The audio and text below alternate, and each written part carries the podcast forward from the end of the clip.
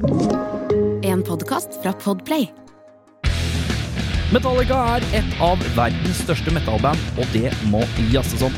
Mitt navn er Erik Sjarma, og i Metallista skal vi prate med diverse fans, ildsjeler og kjentfolk som alle har et forhold til Metallica. I tillegg skal vi gå gjennom noen punkter som er selve Metallista. Er du Metallica-fan, så bør dette passe som hånd i hanske. Velkommen til Metallista. Asbjørn Slettemark, mannen jeg i alle år har tenkt litt sånn Asbjørn Slettemark, ass. Dukker opp i fuckings alt, overalt, hele tida. Han derre Asbjørn Slettemark-typen, ass. Overalt. Og så tenkte jeg på et sånt tidspunkt Er det litt sånn know-it-all-type, eller? Og så innså jeg at du er liksom fyr som know-it-all, på et vis. Ja Og jeg, jeg får sånn følelse av at du er en fyr som må stå opp tidlig i morgenen.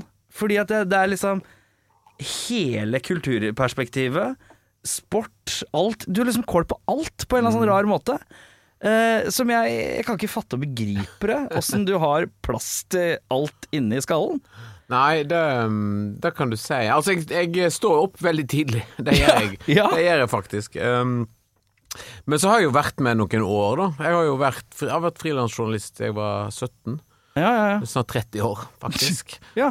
Um, så da måte lagrer det seg jo noe kunnskap her og der. Jo, jo, men det er liksom uh, men, bare- men, men det må sies at jeg er jo Jeg er vel kanskje ganske flink til å um, gjøre en eller annen form for jobb ut av alt jeg er interessert i. Så Ja, det frams, framstår kanskje som om jeg kan veldig mye mer enn hva jeg egentlig Ja. da. Men, men takk. Ja, ja, men det er liksom sånn derre eh, Det var sånn på et eller annet tidspunkt så kunne jeg liksom ikke helt fatte og begripe det.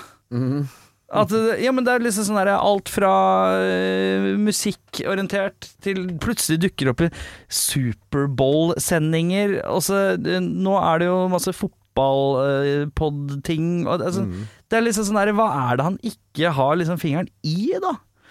Um, jeg er ikke så god på volleyball. Det, kan ja, jeg, det kan jeg ikke så veldig masse om, så det må jeg beklage hvis du hadde planlagt masse spørsmål om volleyball. Ja, og ja. Og så har jeg faktisk en ting som jeg ikke er så sterk på, men som jeg kunne godt tenkt meg å vært bedre på. Så jeg har planer om at eh, jeg skal forhåpentligvis bruke pensjonisttilværelsen min eller sånt på. Det er jo jazz. Jazz, ja. Ja, for der, der er jeg ganske svak, men så har jeg jo da Jeg kjøper jo veldig masse musikk og veldig masse plater, Mm. og en av tingene jeg har kjøpt inn en del av, er en del klassiske jazzplater, en del sånn bokssett og sånn, Ja. som jeg ikke har tid til å gå gjennom, men som jeg tenker at Sånn som Jeg har et bokssett med alle Miles Davis-platene. Jeg tror det er 70 album med Miles Davis. Så tenker jeg en eller annen dag Og det står bare og venter, da. Ja, ja, ja. Så en dag så skal jeg sette meg ned og skal bare begynne på plate nummer én. Men er det sånn at du føler at jazz er en sånn type sjanger som på en måte er en sånn grøt av litt av det samme som går om igjen og om att? Ja, men det er jo på grunn av at jeg ikke har satt meg inn i det. Ja. Men det er jo den, den følelsen sitter jeg også Ja. med når det kommer til jazz. Som er liksom Jeg syns det er koselig å ha på i bakgrunnen. Mm. Men det piker ikke nok til at jeg får lyst til å dypdykke i det. Nei, men det er jo derfor det jeg har tenkt eh, Altså, jeg syns jo når jeg hører på som enten det er eh, altså Frank Morgan eller Art Pepper eller Miles Davis og sånn kjente store jazzene, så kjenner jeg at jeg kjenner en sånn utrolig behov for å forstå hva det er de holder på med. Men så kjenner jeg at det behovet er ikke Det er ikke sånn at jeg må gjøre det nå. Det er noe som kan ligge der og godgjøre seg. For grunnen til at jeg begynte å snakke om jazz nå, at jeg, jeg får en sånn peak i jazzinteressen min, eller jazznysgjerrigheten min, en gang i året. Okay. Og det er hver gang det kommer en ny sesong av TV-serien Bosch. Ja, eh, denne politimannen eh, Ja, så- Politimann som bor oppe i, eh, i Woodrow Wilson Drive i Hollywood, i åsen over Hollywood. Ja. Og hver gang skal liksom komme hjem og skal slappe av etter å ha arrestert eh, skurker rundt om i Los Angeles og satt drapsmenn i fengsel og eh, brakt litt rettferdighet. mange sesonger er vi på den? Det er vel er det åttende sesong. Som, Ja. Den er jo ferdig nå, så skal han begynne på nytt igjen. Ja. Men når han kommer hjem til det nydelige huset sitt i um, Woodrow Wilson Drive, som for øvrig er spilt inn i samme hus som jeg tror det er Al Pacino som bor der i Heat. Å ja, samme, riktig. samme Samme. Ja, men det er, så han har den strøkne utsikten som Ja, riktig. Eh. Et sånt glasshus som står på Ja, ja, Men ja, da setter han jo alltid på noe gammel jazzvinyl. Ofte Art Pepper eller Frank Morgan, som jeg nevnte. Ja. Og da kjenner jeg hver gang det kommer en ny Bosch-sesong, at, at det, jeg har lyst til å ha det samme lidenskapelige forholdet til jazz som Harry Bosch i Ja, Bosch-serien har. Da. Men, men altså, det er jo en tid for alt, så et eller annet tidspunkt så, Ja. så, så kommer jeg der. ja. Eh, Er eh, glasshus på stylter det er en del av pakka òg, kanskje? Altså, skulle, hvis noen hadde tilbudt meg å bo i et hus eh, oppe i Hollywood eh, Hills, oppe i Woodrow Wilson Drive der, så, ja. Så hadde jeg nok flytta, ja. Ja. Et grønt, et grønt kort og hus eh, på, på Sylte. ja. Men hva er det du driver med nå om dagen, da? Hva er smørbrødlista nå om dagen? Altså, hovedjobben min nå er å skrive for Aftenposten. Ja. Eh, Det er det som tar mest tid, da. Anmelder fast TV-serier, og så med jevne mellomrom så anmelder jeg jo plate. Denne uka har jeg anmeldt to plater i Aftenposten. Um, nye Iron Maiden-albumet, Ja. uh, Senjutsu, og så har jeg anmeldt nye plater til Bokassa, ja. som òg er ute nå i dag. Um, I tillegg til TV-serier. Så det tar jo masse tid for Altså, En ting er at TV-serier tar jo lang tid og annet, Ja. for du må, du må faktisk se dette. Og Mm. når du har det som jobb, så kan ikke du sitte sånn og se på mobilen mens du har et halvt øye på det. Bare Nei, nei, nei. ordentlig Ta gjerne ti, ti timer se gjennom en sesong. Og så kommer det en ny Iron Maiden-plate, og det er jo det er ikke unnagjort på fem minutter heller. Nei, nei, nei. Altså Rolig, duggfrisk dobbeltalbum der, ja. Ja, altså når, når Steve Harris setter seg ned og skriver låter, så er jo det Altså, han er god på masse, men time management er ikke en av tingene Steve Harris er god på, så da går masse tid på det. Um, bortsett fra det, så har meg og to kompiser en podkast som heter Dritte Halbzeit, som er en Hva betyr det? Det har jeg tenkt på flere ganger, for jeg har snubla over i sosiale medier. Altså- og jeg er en eh, fotballfan. Jeg er ikke en tysk fotballfan, så jeg har ikke hørt så mye på den poden. men jeg har bare fått med meg tittelen. Hva betyr det? Altså, Dritte Halbzeit er jo Det går egentlig ikke helt an å oversette. Du kan si tredje omgang, Ja. men det er ikke helt riktig, for det er jo tredje halvdel. Altså en omgang på tysk heter jo Halbzeit. sant? Så Ja. tredje omgang går jo an. Ja. Tredje halvdel går jo ikke an. Nei, ikke sant. Altså Det blir jo noe som er etterpå. Så Dritte Halbzeit er rett og slett alt som skjer etter fotballkamp. ja. Eh, som ofte da eh, er veldig sosialt og hyggelig. Eh, men så viser jeg òg at eh, det, har, det er jo òg en betegnelse på alt virak mellom hooligans etter en fotballkamp er ferdig. Å, det er ja. dritt i halvtid. Altså det er, det er nevekamp i skogen. ja, ikke sant. Skjønner. Eh, så en del tyskere syns jo det er litt sånn rart navn på den Ja. ja. podkasten. og det er tysk fotball. Hvorfor tysk fotball? Jo, jeg har bodd i Tyskland i fire år. Hvorfor? Eh, For da at samboeren min jobber i Utenriksdepartementet, så hun var oh, stasjonert ja. ved ambassaden i Berlin. Ja. Så da flytta vi ned i 2016 og flytta hjem i 2020. Så bodde Ja. vi fire år i Åssen var det å tilbringe fire år i det glade tyske riket? Jo, du, det var veldig fint, og Berlin er jo en dritkul by. Ja. Altså ordentlig stemning. Så da ble jo fire år Jeg syns Berlin er for svært, ass. Ja, det, men det er jeg helt enig med. Jeg det, det Jeg det klarer mest, ikke å få eh, grep på Jeg kan få grep på visse deler, Ja. men som helhet Nei, men det, det er jo Da er det jo egentlig ingen som bu, bor der heller, som har. Nei. Altså, Berlin er jo en Var det i 1922, tror jeg, at det som da ble, som, da ble til Stor-Berlin gjort om til Berlin. For Berlin er jo egentlig bare en, bare en haug med byer som har vokst sammen. Ja, ja, ja. Eh, så vi bodde jo da i Schøneberg og Charlottenburg på vestkanten, eh, som òg begge to har vært byer. Sant? Og Neukölln var egen by, og Kreuzberg osv. Alt var jo i gamle dager egne byer. Så jeg syns jo da det er kanskje det fineste med å flytte hjem igjen til Oslo, er og sånn som jeg skulle ned her til deg i dag, så kan jeg bare dingle rundt, høre på litt musikk. Det er ikke sånn som når jeg bor i Berlin. Skal jeg få en sånn melding fra noen Ja, du er i Berlin, skal vi treffes, eller? Og så sjekker jeg Ok, men du er 45 det minutter. 45 minutter med toget for å komme meg til der som du er. Det er, liksom, det er samme som å dra til Hokksund Ja, ja, ja. fra Oslo. Um, så da syns jeg var for stort. Men det som er jo kult med Berlin, er at med, du blir veldig kjent med det området du bor i. Vi bodde jo da som sagt i Charlottenburg og, og Schøneberg. Men så er det jo en by Altså, jeg fikk sett så enormt masse konserter der. Uh, en del konserter som En ganske sånn kule turneer som ikke kommer til Oslo. En tenker jo ofte at, at en, alt kommer til Oslo, men det er en del ting spesielt. En del sånn eh, undergrunns hardcore-ting. Ja. Så det er ofte ting som ikke kommer til Oslo. Litt sånn store turnépakker, sånn som du har for eksempel Hatebreed og Terror og Knocked Loose og hva det måtte være av litt sånn um, semistore internasjonale hardcore-band. De turneene kommer veldig sjelden til Norge, så det fikk jeg sett masse av. Jeg har sett, jeg har vært, jeg har sett én konsert i Berlin, på nyttårsaften. Ja. David Hasselhoff. Oi, oi, oi, på Brandenburg Tor. Oi, oi. Hvis, det, hvis, du slår opp i, hvis du slår opp i turist i leksikonet, så er det bilde av deg der. Ja, det er helt bakerst. Veldig, bak veldig mange av tyskere som Oi, er i ekstase. Men det er jo det er en stor, ja, det er en stor kulturell opplevelse. Da òg, da. Det må en jo kunne si. Nei, men det er en eh, det, Jeg har det Nå har jeg det på lista, på en måte. Den kan jeg flekke frem. Mm. Ja, ja. Eh, Det, jeg, sa, jeg har sett Hassle of Live. Ja, sang du 'Her står jeg på Brandenburger Tor' og sånt òg, da? Nei, jeg gjorde ikke det. Ja. Det gjorde jeg ikke. Jeg har fokusert på én ting. Det var Ja. litt viktig. Uh, men ja, du var i det tyske riket. Kom hjem igjen. Uh, jobber i Aftenposten. Det Mm. er pod uh, med det jeg sliter med å uttale. Dritte Halvteit. riktig. Er det noe mer? Uh, ja, altså, jeg reiser jo litt rundt og gjør en del sånn intervju på festivaler. Ja. Jeg skal nå til hva skal? Jo, Nordiske seriedager skal jeg gjøre noe intervju. Mm. Som er jo her i Oslo. Skal til Skudeneshavn på SILK, Skudeneshavn internasjonale litteratur- og kulturfestival. Skal Mm. gjøre en haug med intervju. Så skal vi gjøre litt live-ting. De vi har to utsolgte show nå i november. Ja. Så kommer til Haugesund med det. Uh, håper jo at alt da går sånn som det skal, da. Da Ja, ja, ja. får jo Viljo til å vise seg. Og så um, ja, så driver vi med litt sånn småplukk her og der. Og, ja, for det er litt sånn småplukk. eh, Ja. Du har en slags frilanstilværelse fortsatt? Ja, så jeg har vært frilanser siden, siden jeg var 17 år. Ja. Så jeg, altså, jeg har jo vært i NRK og vært i TV 2, men aldri vært fast ansatt. Ja. Alltid hatt det Å nei, så denne lydverkeperioden og sånn, det var, og pyro og det sånn, det var ikke faste ansettelser? Nei, det var liksom kontrakt, akkurat som et Foodora-bud. Ja. Som Så- selvstendig næringsdrivende. ja. Så, men det har jo vært et eget valg, da. Altså, jeg fikk Ja, tilbud om fast jobb i NRK, men jeg liker jo å gjøre på litt forskjellige ting samtidig. Og når du er fast ansatt, så er du mye, det er mye strengere for hva du kan gjøre, da.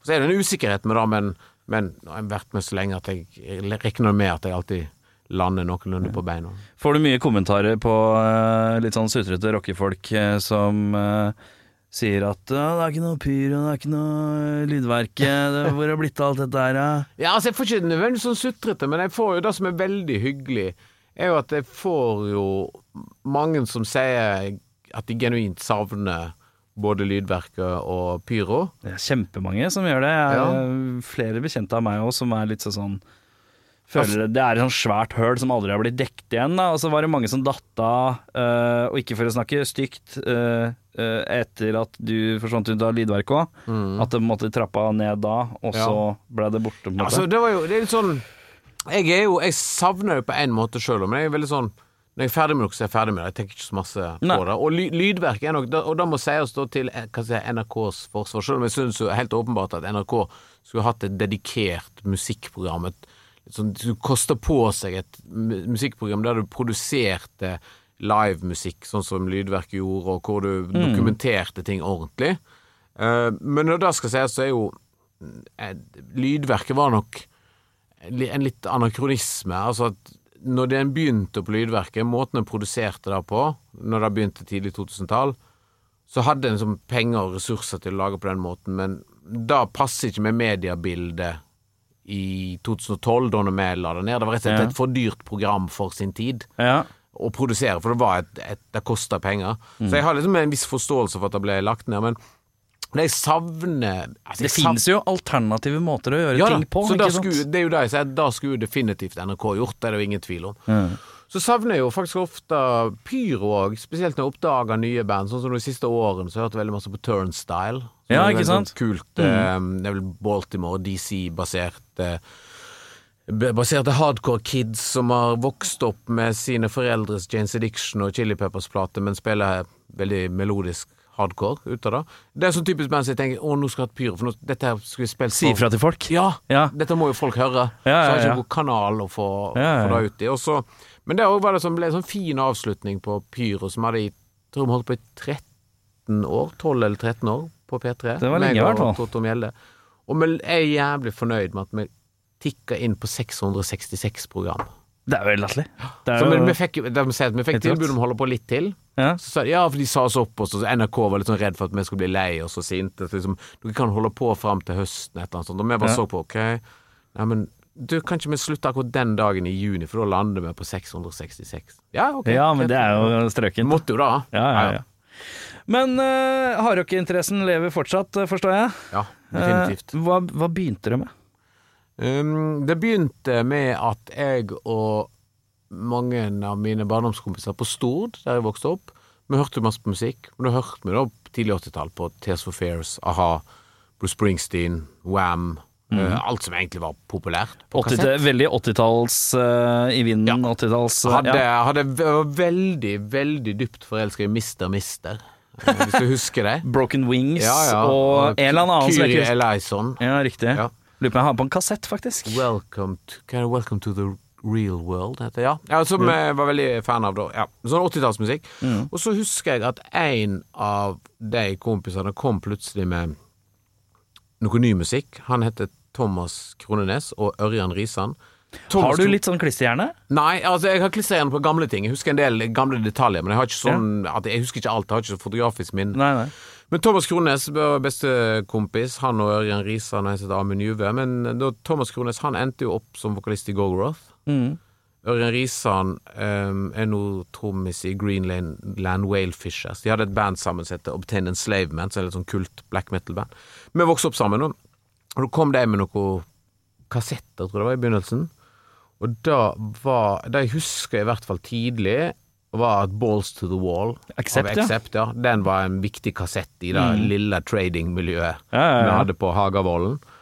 Um, Men hvor er, ja, hvordan var det man innskaffa seg disse tingene? Vi er jo på bygda, liksom. ja, altså vi hadde en veldig god platebutikk Ja, som hette Solgulls platebar. Å, koselig. Ja, het- Det var Solgull som drev den, da. Ja. Hun het det. Så Solgulls platebar hadde òg da Men hun had, hadde hun peil, eller bare tok inn, eller? Ja, hun, hun, skjønte, hun skjønte tegningen på hva folk Ja. var interessert i. Skal du huske at på bygda på den tida så var det sånn at altså folk hørte jo på heavy. Ja. Altså Folk hørte på Iron Maiden, folk hørte på Accept. De litt eldre hørte på Deep Purple. ja. Eh, De kjøpte som eh, Perfect Strangers når reunion-albumet til, til Deep Purple kom. Eh, en kjøpte gamle Led Zeppelin eh, billigutgave av gamle Led Zeppelin-plater. Det, var liksom, det var jo det som solgte, da. Ja, Sammen ja. med all poppen, altså. Så hadde du òg en sønn eh, som da var eh, var en veldig sånn heavy entusiast, så jeg tror nok han eh, var litt ansvarlig for hva som ble tatt inn der. Mm. Litt, litt pekepinn der, ja. Så da husker jeg at mi, den aller første plata jeg kjøpte, var at jeg kjøpte først Fame-utgaven. Husker du Fame-utgavene? Nei. Nei, altså EMI, plateselskapet Alle, alle plateselskapene hadde sine egne billigserier. Ja. EMI hadde Fame, og jeg lurer på om det var CBS som hadde Nice Price. Warner hadde Ja. en serie, ja. Det var enten en sånn egen dedikert logo, eller så var det sånn klistremerke som var Ja, ikonisk altså for det, som var greia med EMI sin Fame, var at de trykte det på coveret. Ja. Så du kunne eksempel kjøpe Iron Maiden-plate billig med Fame-logoen trykt Ja, på. Sant? Da var det halv pris. Men jeg kjøpte da første Iron Maiden-albumet på kassett. Mm. Dette er jo da 84-85-ish. Mm. Men da var jo på grunn av at det var en billig Fame-utgave. For det var jo kun den og Killers, tror jeg, som var på Fame. Ja. Og så ble jeg litt, kommet hjem, og så skjønte jeg på et eller annet tidspunkt at Jeg lurer på hva eh, businessstrategien var? um, Å lage liksom en billig versjon? Det var vel for å bare få pumpa ut gamle plater. Ja, men det var jo ikke så gammelt heller, da? Var det det? Nei, sånn tre-fire år. Men Ja. da, da skulle en jo selge Peace of Mind og Power Slave, da. Så da Ja, ja. fyller på med katalogen. En drev jo òg, jeg vet ikke om du Husker du Cut Out? Nei. Cut Out er Jeg er, annen jeg er 34, så jeg er ja, hakket Du har akkurat gått glipp av dette, du. Ja. Cut Out det var jo en annen strategi. Ja. uh, men det var jo på grunn av at da, hvis du kjøpte originale plater, men som de eksempel butikken har tatt inn masse av, Mm. og så Eller de hadde masse ekstra på lager, men så kunne ikke de selge originale platene på tilbudspris. Oh, ja. Men da hadde vi gjort de klippte av litt av coveret. Og så kunne du selge den til sånn 20 kroner. Så da kunne du kjøpe masse cut Som om liksom det var en defekt Ja. vare, da. Nettopp. Nettopp. Og det er sånn for alt min alder som kjøpte plater og husker det som cutout. Og det er sånn da, da, Det var ganske lurvete å kjøpe det. Ja. Jeg, jeg kjøpte nesten aldri cutout. For det var sånn Jeg ville ikke ha Jeg klarte ikke å ha det Ja, det er irriterende å ha Ja. i samlinga. Jeg har lagt det sånn. Ja, ja, ja. Men da, så jeg kjøpte først Iron Maiden på kassett, og så eh, vet ikke, husker ikke helt, men jeg angrer i hvert fall. Så jeg gikk tilbake, og så betalte jeg en tier i mellomlegg. Ja. Og så fikk jeg den på vinyl i stedet for. ja. Hvorfor angra du på det? Nei, jeg vet ikke hvorfor. Jeg tror bare at jeg følte da Hvor gammel var du da? Nei, da var jeg sånn ni-ti. Det er jævlig spesielt å være ni-ti og bare sånn Du har kassetten og sånn Nei, Nei, jeg, på jeg, følte at, ja, jeg, jeg følte nok at jeg skulle ta et steg opp da bli litt mer Ja. avansert platesamler. Pluss at ofte da på kassetter, de billigkassettene, så var det bare et lite bilde av coveret på en sånn beige bakgrunn. Ja, ja, ja. Mens det var jo Armaden vi snakka om. Ja, ja, Det var jo. Eddie. Mm. Så jeg ville jo da ha det Artworken i- i ordentlig ja, ja. format. Så der begynte det, og så fortsatte det egentlig. Og det er vel da um, Selv om Det var jo Acceptor viktig, Wasp var viktig. Ja. Um, en del Ja, Deep Purple etter hvert ble jo veldig viktig. Kanskje viktigere enn de andre 70-tallstingene. Og så selvfølgelig jeg Led har- Zeppelin, Black Sabbath og sånt. Jeg er, jeg er en sånn mer riffete fyr, så for meg så er Deep Purple er langt høyere oppe på lista for meg enn eksempel Zeppelin. Ja. For Zeppelin har en sånn skranglefaktor, Mm. som jeg opplever i hvert fall sånn. Ja, de- Skranglete, mens jeg følte at uh, Deep Purple hadde den litt sabbat-greia. At det er, her er det rifforientert, og så er det krydderier, men det er ja, det, er ikke, stramt. det er ikke så masse sånn der gjalling med, med store kassagitarer med masse Nei. strenger og sånne ting. Nei, det var det, ja, det, den der det skranglegreia, Ja. som Det jeg er jo kaller sånn som jeg har lært meg å sette veldig pris på i, i litt eldre alder, da. Ja. Altså, at, men, men, jeg var, men jeg var tolv år, så er det jo klart at, eh, at eh, Smoke on the Water og Iron Man Ja. låter jo mye fetere enn det der akustiske hippiegreiene på Led Zeppelin Ja, ja, ja. eh, to eller tre. og Ja, ja, ja. Nei, det, men jeg har, jeg, det har jeg fortsatt i meg. Det er sånn Favorittlåtene mine av Zeppelin er de som låter mest maskinelle. Ja. Det er Immigrant- Communication Immigrant Breakdown Song, ja. og Immigrant Song Ja. og disse her som låter som kunne vært mm. Purple Riff, nesten. da Ja, en, Så og en av mine favoritter i den kategorien er jo åpningslåten på hele karrieren, altså Good Times Bad Times. Mm. Er jo også sånn veldig så riffete. Ja, ja. Men det, det kunne jo vært et uh, Richie Blackmore. Ja, ja, ja. Det er ikke så langt unna sånn Black Night-aktig type ting, det der. Nei. Ja. Men uh, spille i band sjøl, var det noe interesse, eller? Jeg gjorde jo det lenge. Ja, hva spilte du? Spilte gitar. Ja. Uh, og så var jo Skulle bli Da var jo planen å bli rockestjerne. Fant ut relativt tidlig. Hvor gammel er vi nå, da? Nå Nei, jeg begynte å spille gitar kanskje på sånn, litt sånn forsiktig på en skranglete kassegitar da jeg var 12. Fikk elgitar da jeg var 13-14. En Westone Pantera. Ja. heter den. Um, uh, og var veldig sånn ivrig på det. Det erstatta fotballen lenge. Ja, ja, ja. Jeg gikk på musikkgymnas, men skjønte Du gikk gikk på musikkgymnas, ja? Ja, ja. Så det var, det var det som dominerte livet mitt og Ja, gjennom tenårene. Øving og sånt. Og så, men jeg skjønte nok på et ganske tidlig tidspunkt, kanskje når jeg var 17-18-19, så skjønte jeg at jeg, jeg kunne Jeg var som en helt decent gitarist. Mm. Kunne liksom shredda noe skala og kunne liksom spille men jeg skjønte at jeg ikke hadde noe stort låtskrivertalent. Eh, Og så skjønte jeg at jeg hadde ikke helt i meg det som skulle til for å måte gjøre det stort, da. Ja. Og da var jeg litt sånn Og det gjelder vel sånn generelt for ting at jeg syns ikke det er så gøy å gjøre ting sånn halvveis. Jeg har, Men ikke, jeg har ikke lyst til å bli sånn hobbymusiker. Så Men fikk du ikke Men hadde du eh, Var det en sånn type som uh, helst ville da lage det, Uh, fremfor å være med at du spiller i et band med noen som er gode til å lage? Jeg kunne nok gjort det òg. Ja. Men jeg tror, jeg tror faktisk rett og slett jeg Fordi man kan jo spille i band selv om man ikke har låtskriverteften, liksom. Hvis noen andre i bandet har det. kunne kanskje, kunne kanskje tatt det litt lenger med, med Jeg bare håper du kan revurdere alt dette her nå! Oh, ja, ja. bare nå må du snu på flisa. Ja, nei, altså, så jeg, jeg vet ikke hvorfor Det var bare, det føltes bare riktig. Men det har jo òg med å gjøre at jeg ganske tidlig når jeg gikk på ungdomsskolen, så skjønte jeg at jeg var i stand til å uttrykke meg skriftlig Mm. ganske godt. Ja. Og at jeg kjente at liksom, her er jeg faktisk eh, sannsynligvis bedre enn veldig mange. Mm. eh, og trenger ikke nødvendigvis trene så masse på det. Nei. Mens med, mens med eh, gitarspilling så merker jeg at jeg trengte rett og slett å øve enormt masse for å komme på et anstendig nivå. Hadde ikke nødvendigvis et stort kreativt talent i det. Nei. Eh, mens på skriving så merker jeg liksom at det falt meg helt naturlig å bare finne på ting og komponere artikler, finne på gode innfallsvinkler til saker og, og, og gjøre liksom brukbare analyser. Ja. Og da det fikk jeg veldig tenning på det. Men blei du noen gang en sånn fanzinefyr, da, eller? Nei, så jeg begynte veldig tidlig å skrive for lokalavis. Ja. Fikk en egen musikkspalte i bladet Sunnhordland. Skrev da jeg var 17 år, begynte å skrive konsertanmeldelser og, Ja. og sånt.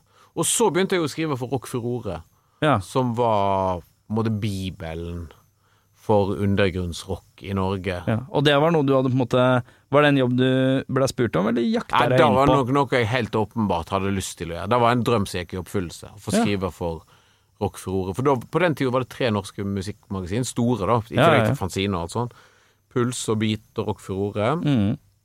Eh, og Rock Furore syns jeg var, var det som snakka mest til meg. Mm. Eh, Beat var litt mer sånn americana, Oslo-basert og Flinke skribenter, men sånn for en, en, eh, en gjeng fra bygda så var Beat litt, litt snobbete. Mm. Mens Puls var Det var masse kule skribenter òg i Puls, som var litt sånn litt døll profil. Mens Rock Furore var sånn Skrev om alt mulig fra rar syntpop til black metal. Hadde leserbrev, sinte leserbrev fra Sigurd Vongraven i, um, i Satyricon. Tidlig, ung Sigurd Vondegraven. Så da å få mine første ting på trykk der, det var sånn Det var skikkelig stort. Er, det, er det ditt kryeste øyeblikk? Um, Eller i- blant, ja, hvertfall. ja, et, ja, da tror jeg nok det, det er helt der oppe blant mine aller stolteste. Har du noe annet øyeblikk. du har lyst til å trekke frem som er der oppe? Um, nei, altså det var jo veldig stas å høre den første sendinga av Pyro gå Ja. på lufta. Da gikk vi på lørdagen klokka seks eller sju, tror jeg. Ja. Det var veldig stas. Mm. Um, men nei, altså denne følelsen av denne, For det med å, å komme på trykk i Rock for ordet var spesielt, for jeg sendte jo da inn noe, jeg vet ikke om det var skrev konsertanmeldelser fra Bergen. Og så visste du ikke helt hva som kom på trykk, men de sa liksom Du sendte det jo inn via posten, Mm. og så visste du ikke helt når Rock for ordet kom i i eh, butikken. da Ja, det var ikke noen fast release-dato på det? Jo, altså du visste at det var på vei, men så gikk du ned på Narvesen hver dag og sjekka. Ja, ja, ja. Og så var det ikke det, og så var det én dag, og så kom det, og da var det sånn 200 sider, så måtte du liksom kjøpe det, og så bla gjennom og se, så fant du helt nederst til på slutten av konsertanmeldelsene, de 44 konsertanmeldelsene, Ja, ja, så ja. var min lille Seigmen-anmeldelse der Ja, med mitt navn. da. Og da var det sånn Det forventningene fram til det skulle skje, ja. gjorde det jo ekstra stort. Deilig, da. Vi må jo inn i Me- Metallicans Ja. rike her. Eh, har du ditt forhold? Hvor begynner vi? Altså Metallica er jo de, um, et av de bandene som kom rett etter Maiden? Maiden, Accept og de andre tingene. For det er jo åpenbart hakket hardere. Mm. Uh, og jeg husker, da hadde jeg flytta til Husnes, og da husker jeg jeg hadde akkurat lest i Metal Hammer, eller Kerrang, lurer på om det var Metal Hammer, at ehm, de hadde fått Altså at bassisten hans var død. Ja, ikke sant? Eh, Så da er vi jo da åpenbart i 85-86 Mm. Cliff Burton var død. Eh, og da kjøpte jeg Master of Puppets. Ja. Um, så jeg husker veldig godt da, for det var liksom drama. Jeg har ikke helt, Metallica har ikke helt vært på radaren min før da. Nei, nei. Men da oppdaga jeg Metallica gjennom det, eh, og syntes jo det var veldig hardt. Da hørte jeg jo masse på Altså, hørte jo på masse mykere ting, altså Kiss og eh, Alice Cooper, uh, Bon Jovi og sånt. Så Band som hadde den soleklare 70-tallsfilen bakerst, de banda der. Ja, 70-tallet, gjerne høyt hår og veldig Jeg er, jeg er jo en, fremdeles en sucker for veldig melodiske poprefreng Ja, ja, ja. i hardrock, sånn som for eksempel Bon Jovi serverte på, på et fat. ja, ja, ja. Um, Jeg har jeg har faktisk eh, Nei, vet du hva, jeg, eh, jeg hadde tre versjoner av eh, Slippery When Wet på kassett. Oi. Men jeg, jeg ga den ene til Torkil eh, i, påsk, i påsken. oi. Følte jeg måtte Men tre, tre, har du bare kjøpt de opp gjennom årene, da? Eller? Nei, nei, jeg har Rundt nyttår i år så fikk jeg plutselig to kassetter. Så tenkte jeg Vet du hva, jeg har aldri vært noen sånn vinylsamler. Jeg syns det tar for mye plass. Ja, enig.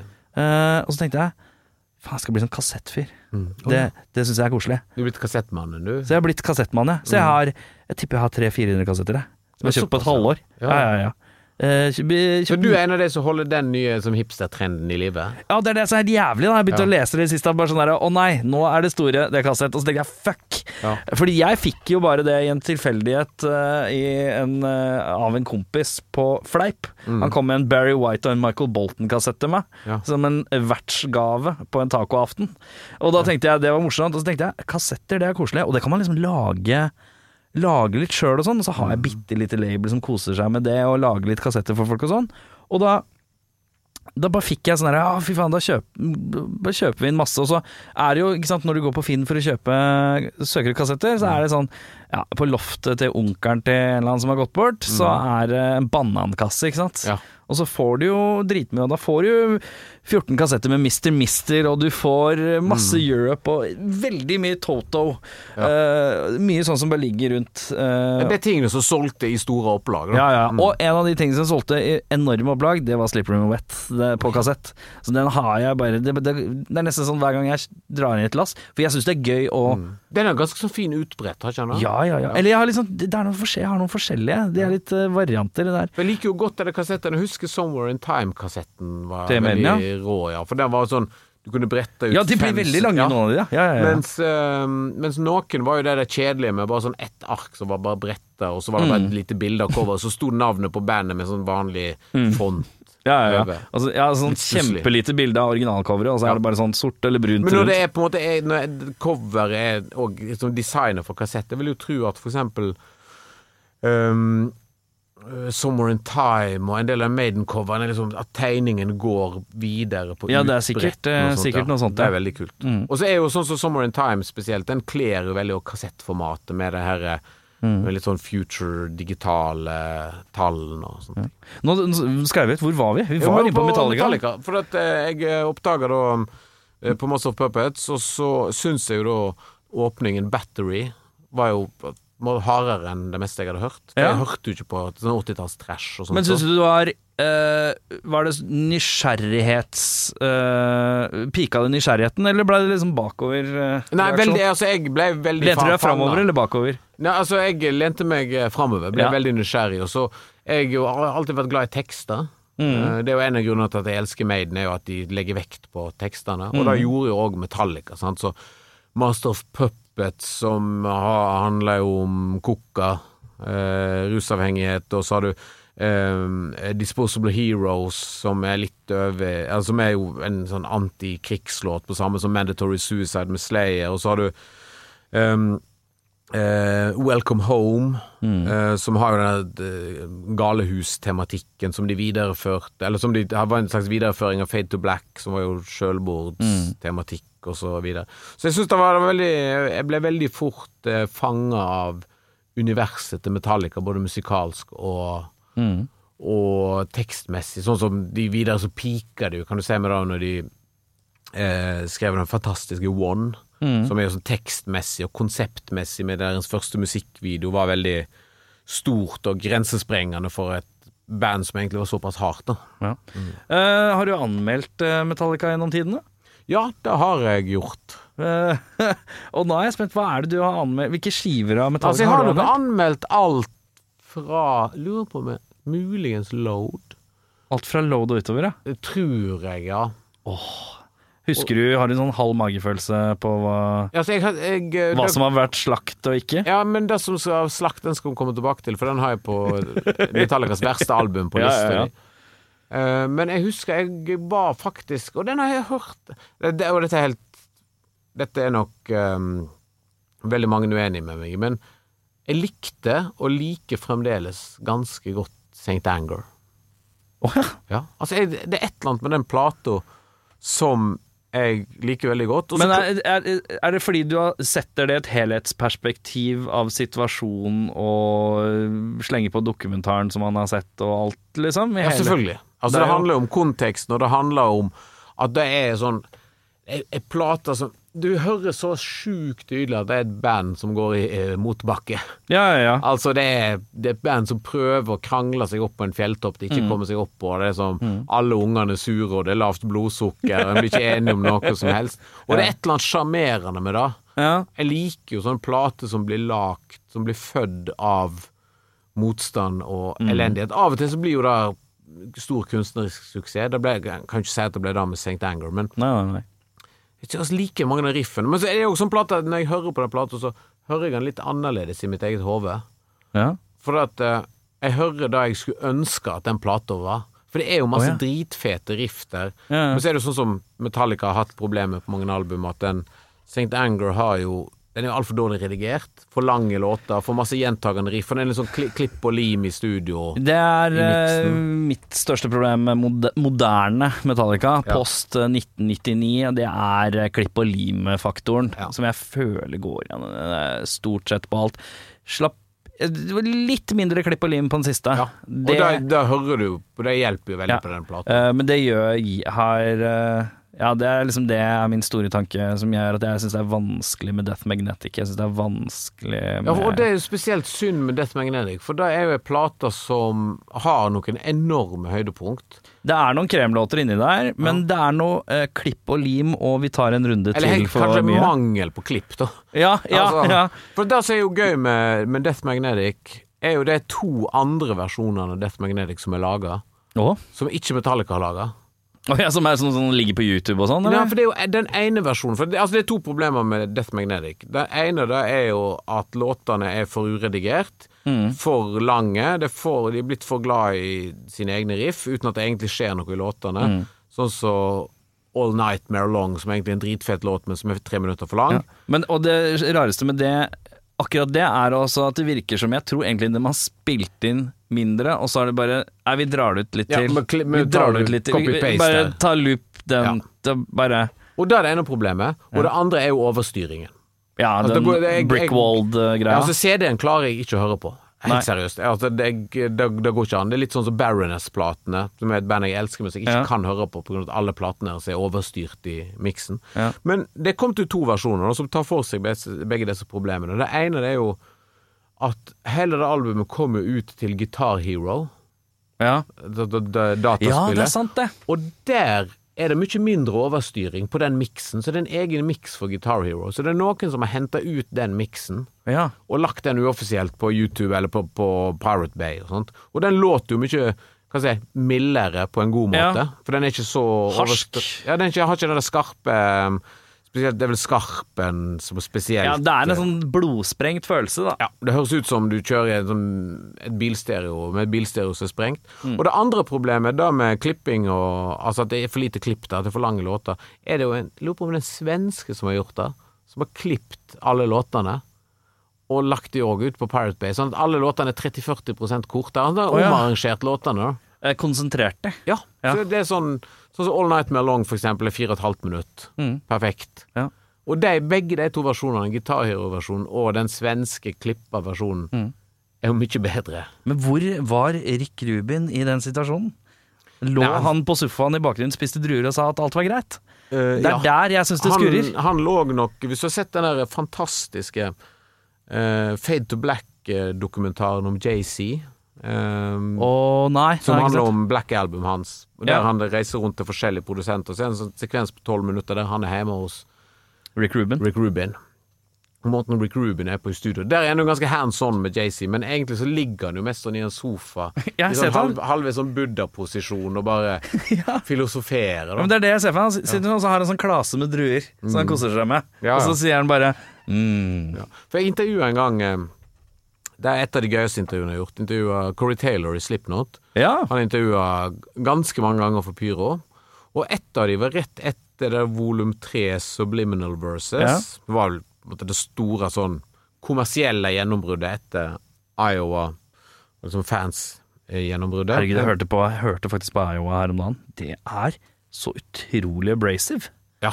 Det er, eh, det er så Det er mange som har et litt anstrengt forhold til Slipknot pga. maske, og man tenker at det er staffasje og gimmick og Det er det jo, du må jo bare akseptere det, men Iowa er eh, egentlig en helt fantastisk eh, plate. I samme gata som du snakka om i henhold til St. Anger, da. Sånn dysfunksjonell eh, B-vibe i hele greia. Ja, ja. Helt spinnvilt. Ja, det er helt, eh, veldig interessant Hvis du lukker øynene for masken og alt sånt, så hører du for eksempel, spesielt på Iowa, så enormt masse death metal-influensa Ja, på, på gitaristene der. Ja, ja, ja. Men uh, intervjuet han til Subliminal Verse, da Corey Taylor. Og da var jeg så Jeg var så opptatt av at det var Rick Rubin som hadde produsert den Mm. plata.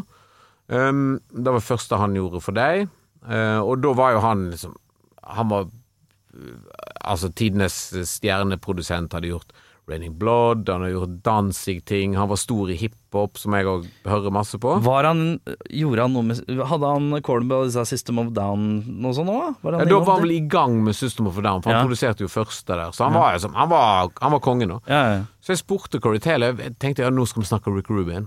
Mm. Så sier Corey Taylor da I don't want to say anything bad about Rick Rubin, So I'm not gonna say anything about Rick Rubin. oh, ja.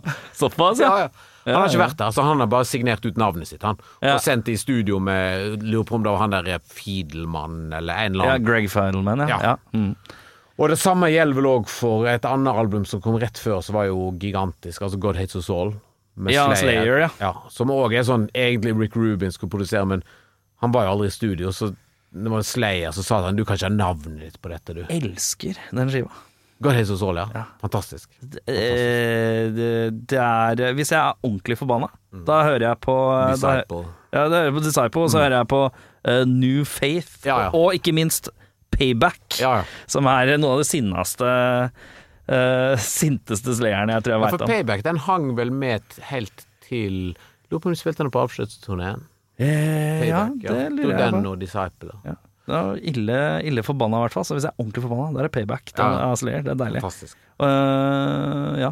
Men vi må i gang med denne Ja. lista, vi, tror jeg. Metallica. Jeg ser at vi ruller inn i Oi, shit, vi har brukt tida. Ja, ja, ja, men Det er gøy, det koser vi oss, da.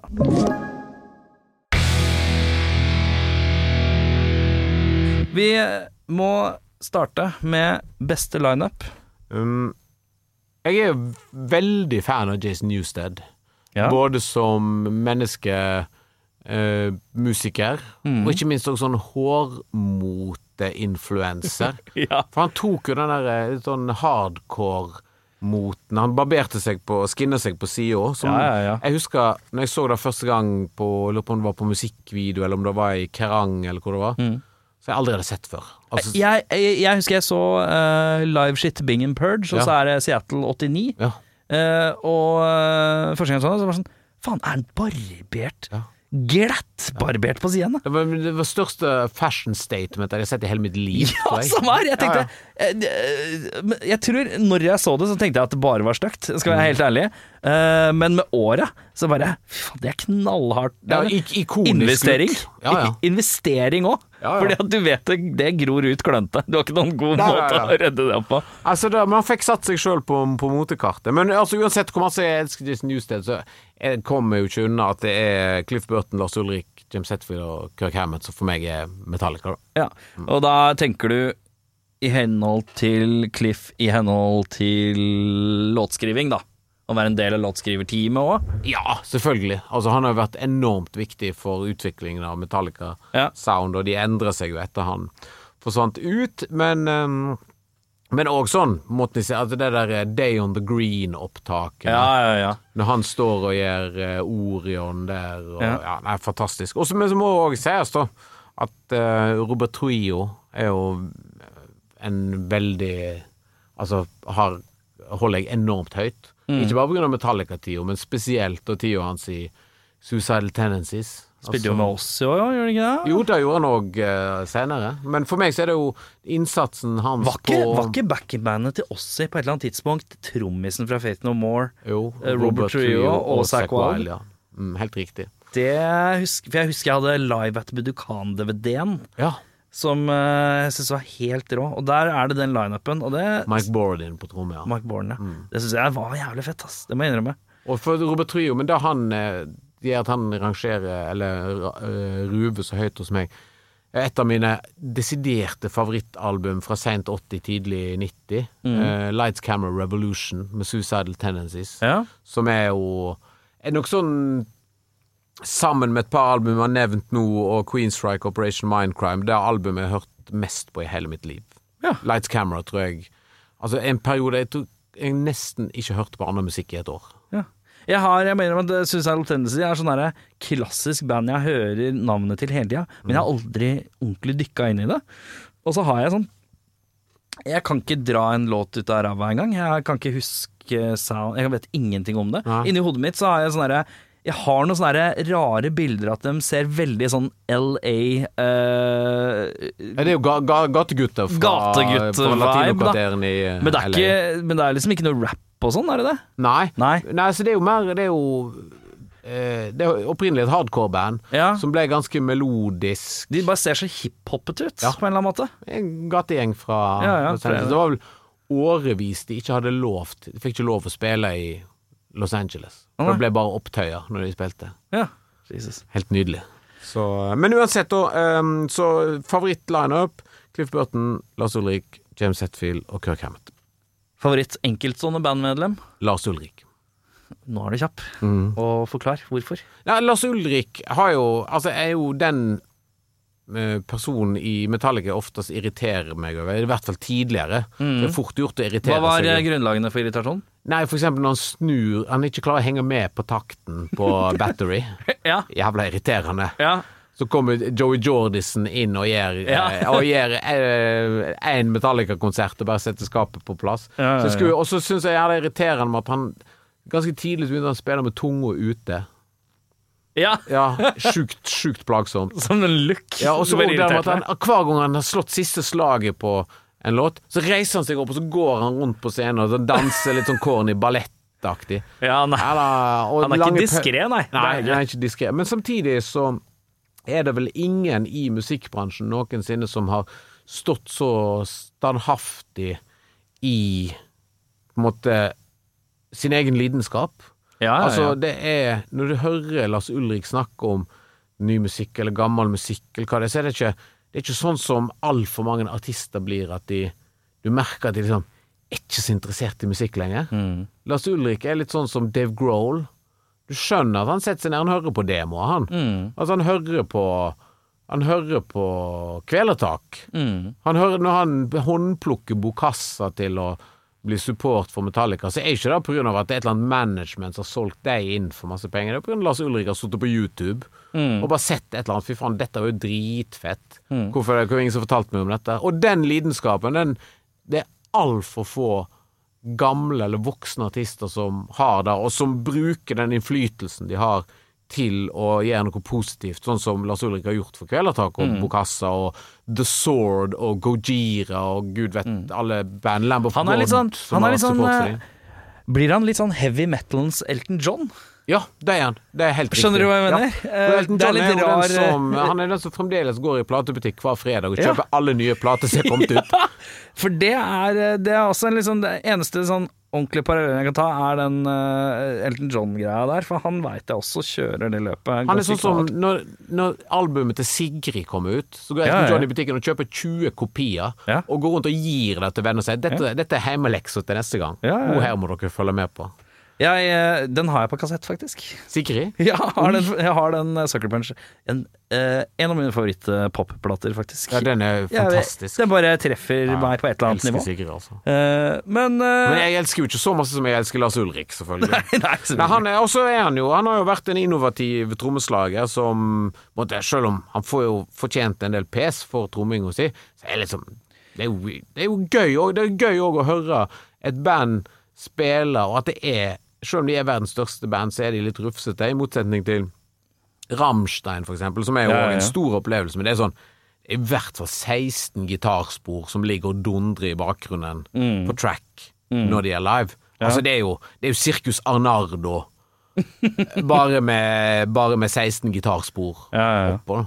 Men uh Og så er det, det er jo er det, det, Jeg tenker også det er litt urettferdig. Eh, jeg er også fullt klar over at eh, Lars Ulrik er blitt eh, en skranglete trommis. Eller har skrangleperioder. Jeg synes han tra, drar seg inn igjen i ny og ne og har sine øyeblikk. Men uh, han har jo endra en total trommestil. Eh, og så er det sånn Det er to ting jeg tenker på.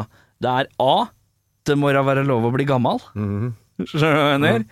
Og det andre er uh, Altså, ett av verdens største band innen rock er jo det mest kranglete jeg veit om. Uh, rest in peace, uh, Charlie Watts. Men Ja. Rolling Stones og, og gå på YouTube og se på liveklipp av Stones, og så skal du klare det, det må være lov å skrangle litt. Folk eh, Du klarer å gjøre folk fornøyd selv om du skrangler litt. Ja. Og det er liksom Rolling Stones største beviset på hele verden, føler jeg. Så har han jo alltid noe å snakke om, da, etter han har vært på Metallica-konsert. Ja, ja. og Lars Ulrik har styrt på. Og så må det sies òg at jeg tror sånn i ettertiden kommer til å Eller, eller allerede gir jo han måtte, litt kred for den der eh, Han har hatt en del sånn drøye motestiler opp gjennom årene, spesielt da han og Kirk Hammett gikk for hardt ned i melposen på 90-tallet. Nå er det mye øyenskygge og Ja, det er mye Ja, sånn der, ja, sånn- og sånn dansk tennisspiller møter Pablo Escobar-stil. Ja! Altså, det, det så kanskje corny ut da, men sånn i ettertid jo eh, Ganske, ganske rå stil de kjørte på er 90-tallet. Det er eh, load reload, den tida der. Der er det breialt. Mm. Ja, ja. Der er det meget breialt. Ja, ja. Men vi må videre på beste favoritt-era. Mm, nei, Da kan du velge enten år eller album til album, tenker jeg. Um, da vil jeg nok si uh, den perioden jeg oppdaga de, altså fra Mass of Puppets, altså etter Cliff Burton døde, da, Mhm. Fram til og med lanseringsdagen for Black Album. Ja. Som var en stor dag, for jeg husker da hadde jo Enter Sandman kommet, hadde kjøpt den på sjutommer Mm. på, på singel. ja, så du hadde den før du hadde skiva? Ja, så så jeg, jeg skjønte jo at noe var, noe var på gang, men jeg, jeg Mens mange sikkert Jeg ser mange som oppdager Metallica tidligere, som er bitte litt eldre enn meg, Mm. har jo veldig sånn forhold til Metallica at med en gang Black Album kom, så måtte skjøv de bandet fra seg. Ja. Jeg, jeg elsker jo òg den perioden. Jeg husker at jeg hørte Enter Sandman og skjønte jo med en gang at her er det noe som har skjedd. Mm. Her er det blitt mer kommersielt, det er blitt mer mainstream. Men jeg syns det bare var dritfett, da. Mm. Altså, jeg elsker det der eh, Ole Lukkøy-referansene og liksom Mm. det der dødsfeite, megaproduserte riffet. Fantastisk stort stadionrefreng. Så det er helt, helt topp, jeg. Men blei du men, eh, eh, men ja, du fikk Enter Sandman, men blei du skuffa når du fikk hele skiva? Nei, nei, jeg elsker Nei, det den var kult, ja, men det var da, på en annen måte. Var jeg nok, da var, ble jo fort Metallica allemannseie. Ja, Og så. Det var ikke det at jeg ikke var fan av Metallica i den perioden, men det var klart at da måtte som metal-fan så gir en jo litt slipp på band og Mm. sånne ting skjer. Men, men selve perioden rundt som Garage Days re- re- re-revisited med, med Jason Newsted, første med han, den EP-en, og så til å høre Black End Mm. komme ut av høyttalerne på And Justice for All. Husker faktisk det veldig godt. For da var jeg sammen med en som i platebutikken med en som heter Are Blokkhus, Mm. som da var sønnen til de som eide hotellet på Husnes. Altså, og da kunne de gå og så kjøpe plate på den lokale platebutikken, for at eh, de har sånn konto der, for at de kjøpte plate til DJ-boothen på hotellet. Oh ja, Så han gikk og han plukka ut Anthrax, State of Euphoria Ja, ja, og Metallica, Justice for All, og satte det på, på liksom diskokontoen til det lokale hotellet. Og så gikk vi ned på puben Ja. på, hu på hotellet på Husnes og satte på en Justice Justice for All. Ja, ja. I en sånn tom pub. Da var, tenk hvor gamle var vi da? Vi var 14 år. Ja, ja, ja. Hadde liksom, jeg husker lukten av sånn Du vet sånn Hvis du kommer på en pub dagen etter den har vært åpen, så lukter det fremdeles som marinert sånn øl fra gulvet. Det lukter øl og klor. Ja, Sånn ja, rar, ja, sånn ja blanding av Ja. ja. De har vaska, men de har ikke fått vekk øllukten. Skikkelig. Sånn, lukten av liksom tapt Sånn der eh, tappeapparat som står og drypper litt fremdeles. ja, ja, ja. Og, på den tida en sånn enormt masse sigg-lukt som henger i veggene. Så da satte vi på en All sinnssykt høyt på DJ-anlegget på lokale puben på Hustad. Så det som har vært på puben på Husnes på 80-tallet, vet at dette Ja, det, det, det, det er en plass med masse atmosfære i veggene. Mm. Um, og det kommer Black End ut av eh, høyttaleren, og så tittelsporet, og da så hører jeg da på det anlegget der, det var veldig stort. Så derfor, så alle de minnene der, og den musikken som da ble skapt, og det å høre på And Justice for All, To Live Is To Die, som var jo da med dette diktet fra Cliff Burton, og så da identifisere på And Justice for All hva Metallica har gjort, som de da kopierer fra tidligere album. Ok, der er balladen One, der er oppfølgeren til Welcome Home og Fate to Black. Um, eh, den um, Blacken det er jo oppfølgeren til åpningslåten eh, Battery og Fight Fire With Fire for Ride the Lightning. For strukturen på hele platen var Ja, ja, veldig ja. lik. Og så da identifisere da Men så var det òg veldig rart. Det er formelen, men det er pusha litt mer aggressivt. Ja, mer, og så er det mye mer progressivt sånn i arrangementene. Men så var det òg veldig rart at dette var jo et dobbeltalbum. Mm. For det var jo da to låter på hver side. Det var sånn 45 Mm. RPM-album. Så da var det veldig rart. Rocka litt med hele opplevelsen. Men, Mm. eh, men altså derfor, da, eh, da Og så syns jeg òg de tre platene, Master Puppets, Justice for All og Black Album, står seg fjellstøtt som klokkeklare sekseralbum i dag. Vi skal til uh, beste liveklipp, live-DVD eller VHS eller livealbum eller altså hva enn du måtte velge. Um, Eh, Da må det, Altså, nå blir jeg veldig sånn retrotype, da. Men det er lov. Uh, Du er oppe i åra. Det er lov. Ja.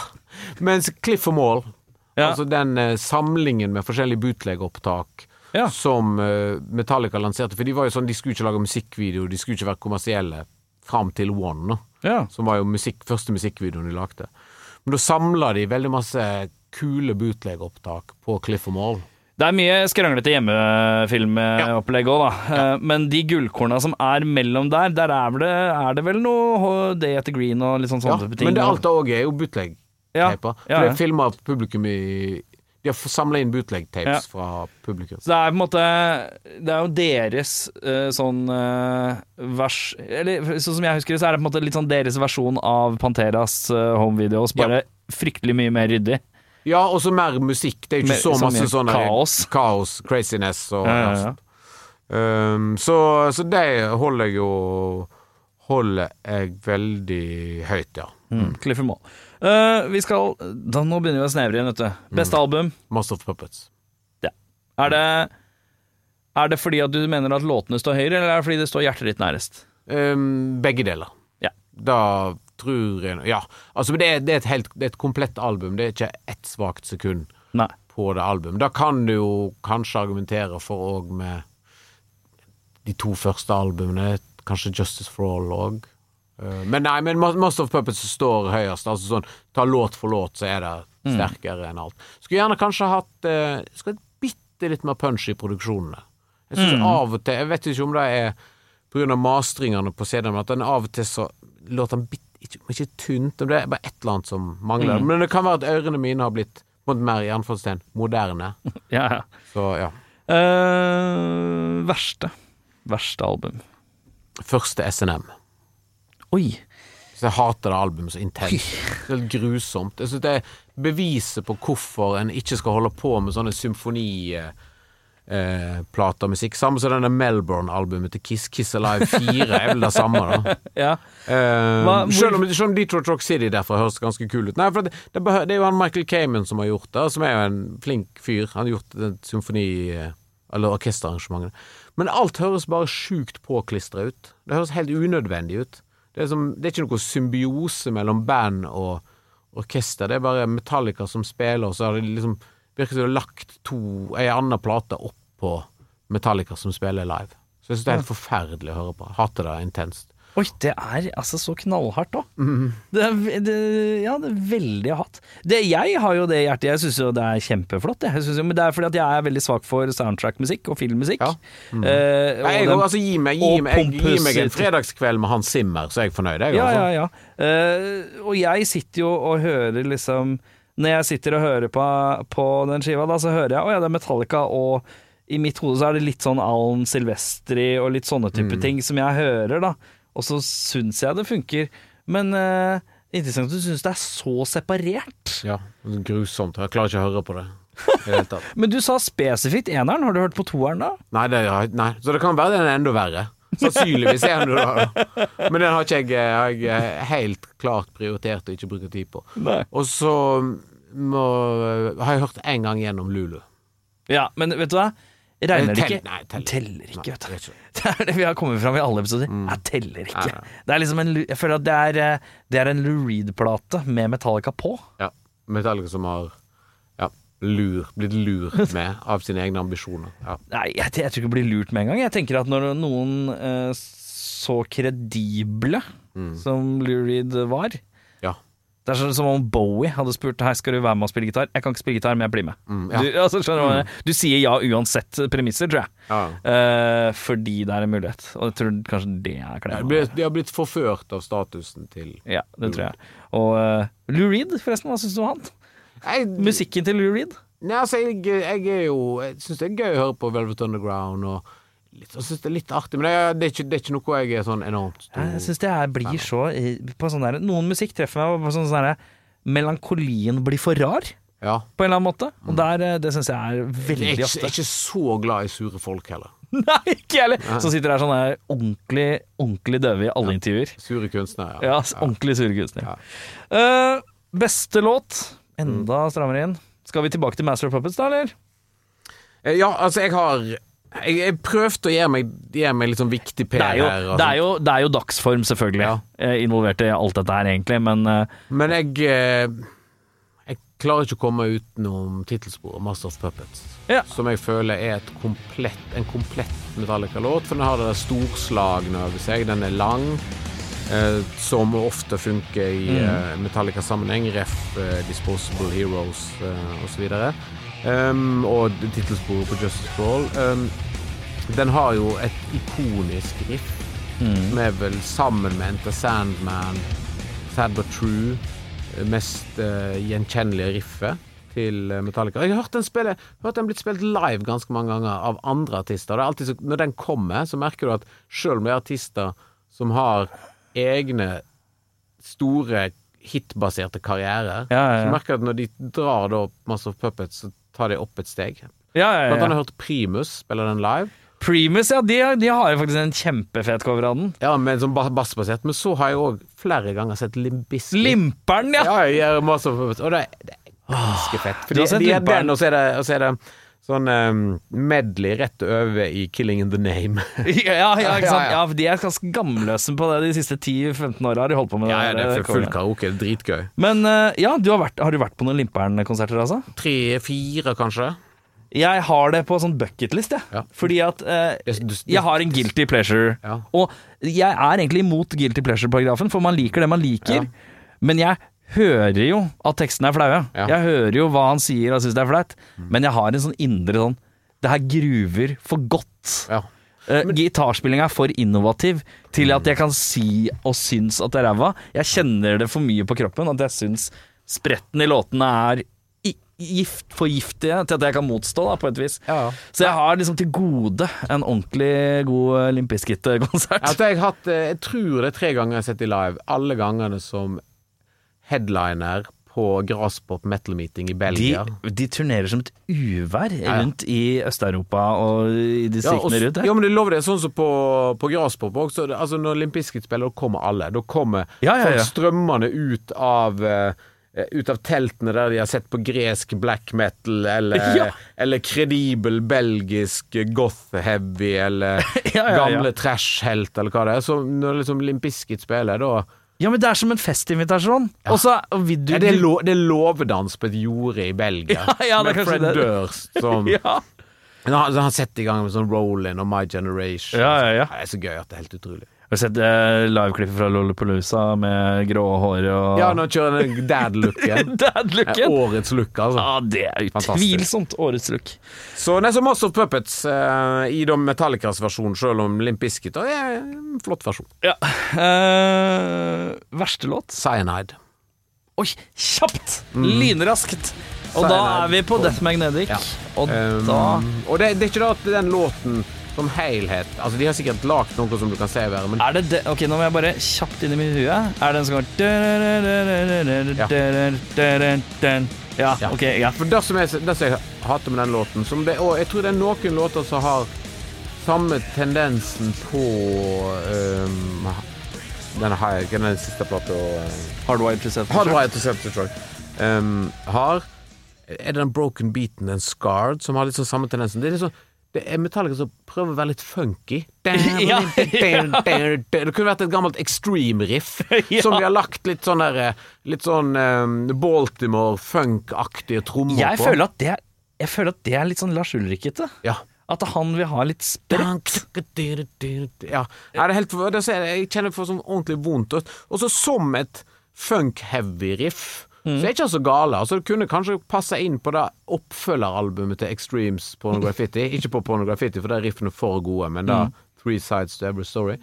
Men liksom, det jeg har jo ingenting med Metallica å gjøre. Jeg synes det er bare Nei. det er da Metallica prøver på noe de ikke klarer. For de klarer av og til å gå ut av den sonen, sånn som på load og reload, når de blir litt sånn bondete. Når de kjører litt sånn, eh, litt sånn enkel heavy, så kan det òg funke, sånn som Carpe Diem Baby og Fuel og alt det Ja, og t- two by four og sånn, som Ja. er litt sånn monobryn, uh, trøkke Ja, det, er ikke det corny, men det funker. Men på Cyanide så blir det bare dølt. Er det liksom følelsen av at de prøver å være for fikse? Ja.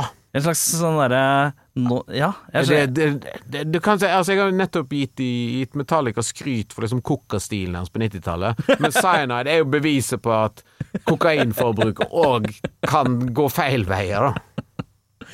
Ja, så da er det Cyanide som blir din uh, no-no-låt uh, på verste. Mm. Da har jeg et spørsmål igjen. Det er anbefaling av et band som Metallica-fans kan sette pris på. Ja, da har jeg plukket ut tre album som jeg mener at bør gå hjem hos i hvert fall moderne Metallica-fans. Ja. Nå tenker jeg ikke på sånne Uh, sure gamle gubber som mener at uh, Metallica piker på ja, Disposable Heroes eller Creeping Death eller mm. Trapped Under Ice og alt de har gjort etter Master of Puppets er bare eh, søppel. Eh, men det er jo tre album. Det ene det er comeback-albumet til Avenged Sevenfold, 'Nightmare', etter at eh, trommisen The Rev døde og de fikk inn han eh, Mike Portnoy Ja. fra Ja, er det- Ja. Fantastisk album, veldig, og da så du begynnelsen på Avenged Sevenfolds nesegrusbeundring nesegrus eh, hyllest til Metallica, som ble jo enda større på neste album, Hail to the King. Sliter, eh, sliter. Og det er sånn eh, Men du er gammel sur, du er 34, men gammel og sur. Jeg er gammel sur. Nei, jeg er gammel sur, og skal forklare hvorfor jeg er gammel sur. Eh, og det er eh, den døveste, men jeg tipper det er en av de vanligste grunnene til at mange band à la Avenged Sevenfold eh, eh, får sure folk med det. De ser så døve ut. Nei, De ser ut som du bestiller ferdigrokka klær på internett. Det, det er en slags Ja. estetisk greie jeg ikke takler.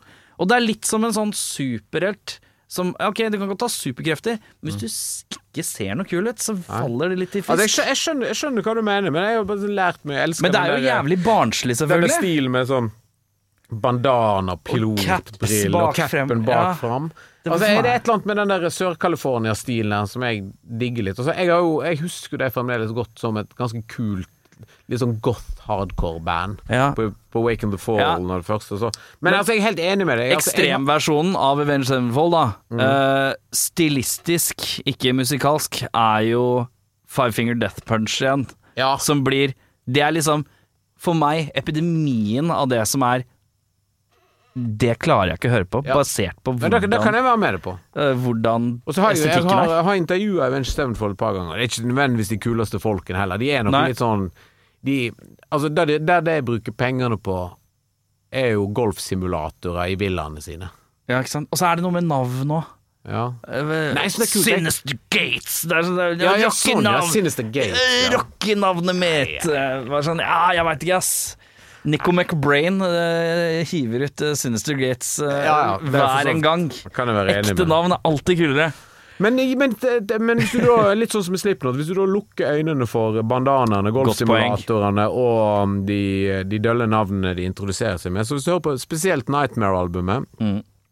så er det hvis en liker ny på en måte, Hvis en er moderne fan av Metallica, så er det et album som går rett hjem. Det andre det er et litt mer avansert album, men som har samme liksom, eksperimenteringen i seg som Metallica på et tidspunkt sto for, og ekstremt gode musikere og, band som skriver kule tekster som tar litt tid å dekode. Sånn det Shogun-albumet til Trivium.